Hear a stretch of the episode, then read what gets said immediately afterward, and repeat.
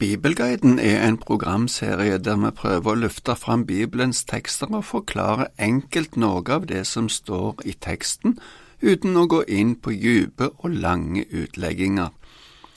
Ei stund framover nå har jeg lyst til å se på andre Mosebok. I dag så skal vi se litt på denne boka i forhold til resten av Bibelen. I vår bibel kalles den for Andre Mosebok, og det er da en del av de fem Mosebøkene. Disse bøkene regnes som ett verk med fem bind. Det første bindet handler om begynnelsen, og det har vi sett på tidligere i denne serien. Det forteller om skapelsen, begynnelsen av israelsfolket og fram til de kom til Egypt.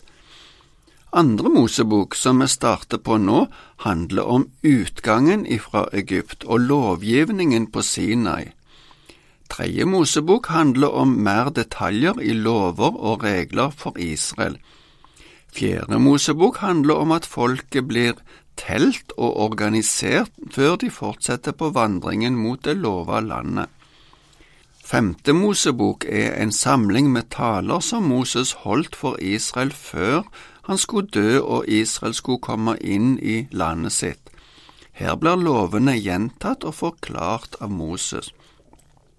Andre Mosebok kalles på latin Exodus, og dette navnet er det en del språk som fortsatt bruker istedenfor å kalle det for Andre Mosebok.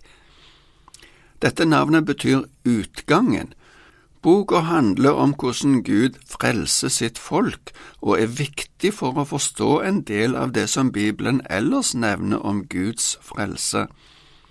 Vi skal prøve å koble noen av hendelsene som skjer i denne boka opp mot forståelsen av frelse i Det nye testamentet. Tradisjonelt er både jøder og kristne enige om at det var Moses som skrev disse bøkene, eller sørga for at de ble skrevet. Noen påpeker at Moses står i tredje person som en som omtales, i stedet for at han skriver at det var han som opplevde det. Men det er ikke uvanlig i gamle kulturer at en forteller bruker tredje person om seg sjøl. Vi kan dele inn Andre Mosebok i to hoveddeler. Først er det utgangen av Egypt, som er de første 18 kapitlene, og etterpå er det lovgivningen fra kapittel 19 til 40. Den første delen kan vi òg dele inn litt, slik at de første tolv kapitlene handler om frelsen for Israel og dommen over Egypt, mens den andre delen handler om vandringen til Sinai. Vi kommer nok til å bruke mer tid på frelsen og vandringen og mindre på detaljene i loven, men vi skal lese alt. Men før vi leser, skal vi ta med oss noen flere momenter. Andre Mosebok er ei viktig bok for å forstå mange momenter angående Gud, frelsen, loven og vandringen som Guds barn. Vi ser Gud som den som har all makt, men samtidig som en kjærlig og tilgivende og omsorgsfull Gud. Israelsfolket, som et eksempel på alle mennesker, er slaver i Egypt. De kan ikke komme seg ut av denne vanskelige situasjonen på egen hånd, men Gud griper inn og frelser de. Slik er alle mennesker underlagt synder som slaver, og kan ikke komme ut av den situasjonen på egen hånd.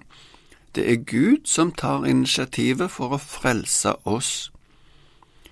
Når det gjelder frelsen, er det òg mange momenter som vi kan nevne. Det var Gud som tok initiativet. Det var Gud som dømte Egypt, som var slavedriveren. Frelsen ble tydelig ved hjelp av lammets blod, og folket starta på veien mot et godt land som Gud hadde lovt dem. Det er òg flere momenter her som vi skal ta med etter hvert som vi kommer til dem. Israelsfolkets vandring fra Egypt til det lova landet er et bilde på det å være kristen i verden. Vi kan se på fristelser, motløshet, motstand, tru, utfrielse og mange flere momenter. Moses er det redskapet Gud bruker for å frelse Israel, og på mange måter er han et bilde på Jesus som er vår frelser. Både Moses og Jesus får betegnelsen profet, prest og konge. Selv om kongetittelen ikke er brukt om Moses, er funksjonen som leder for folket tilsvarende som det en konge hadde i seinere tider. Begge ble skjult av foreldrene fordi de sto i fare for å bli drept av landets hersker. Begge ga avkall på makt og rikdom for å stille seg solidarisk med de de ville redde. Begge var forløsere, lovgivere og mellommenn.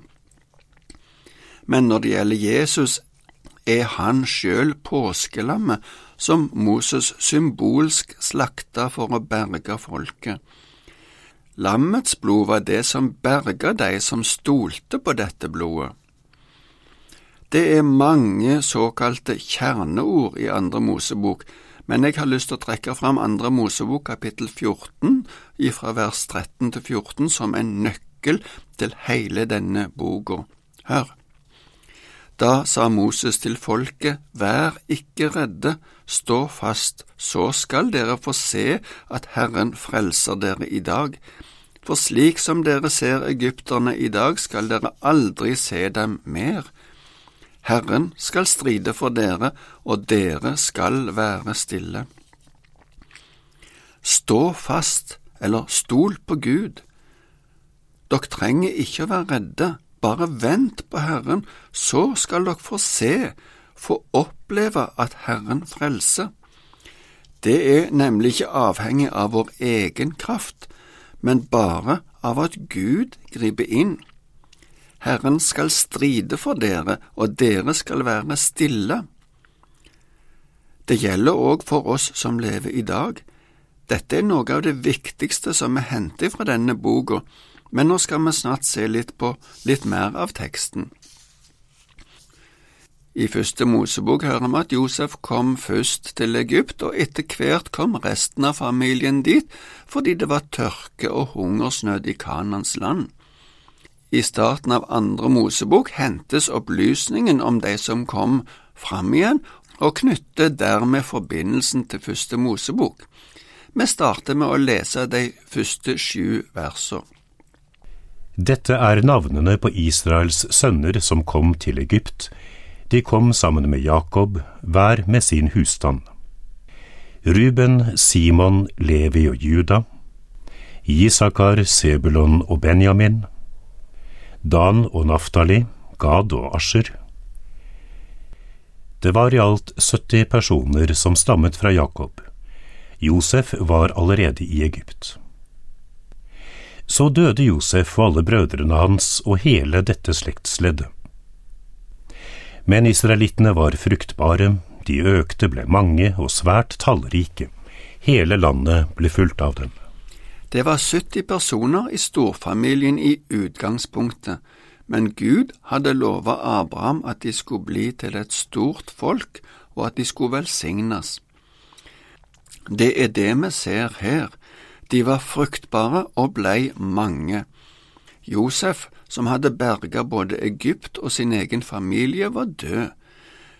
Det hadde gått en del tid etter det, og nå hadde lederen i Egypt glemt Josef og det han gjorde. Vi leser noen vers til ifra vers 8 til 14.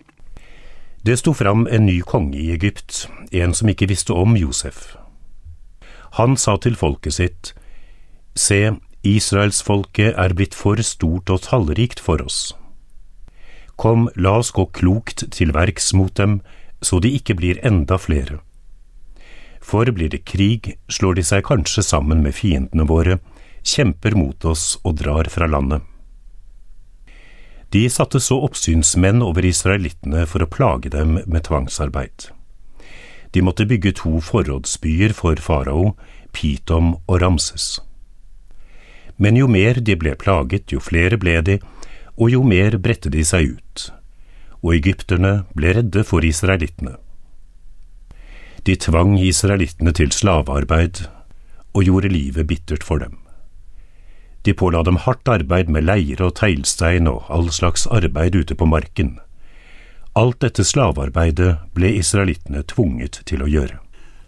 Som sagt kjente ikke de nye lederne i Egypt til Josef, og nå ble de bekymra for dette folket som hadde vokst og blitt så mange. Ved Guds nåde hadde israelittene fått være i fred det meste av tida etter at Josef var død, men nå gjorde den nye faraoen Israel til slaver. De tenkte at det kunne bli en risiko for Egypt, for hvis Egypt ble angrepet, kunne det fort hende at israelsfolket gikk sammen med fiendene, og på den måten ble faren større for at lederne i Egypt ikke klarte motstanden. Selv om Israel ble slaver, fortsatte folket å øke i antall. Egypterne prøvde å øke arbeidsbyrden, men det hjalp ikke. Nå vil jeg si takk for i dag. Herren være med deg.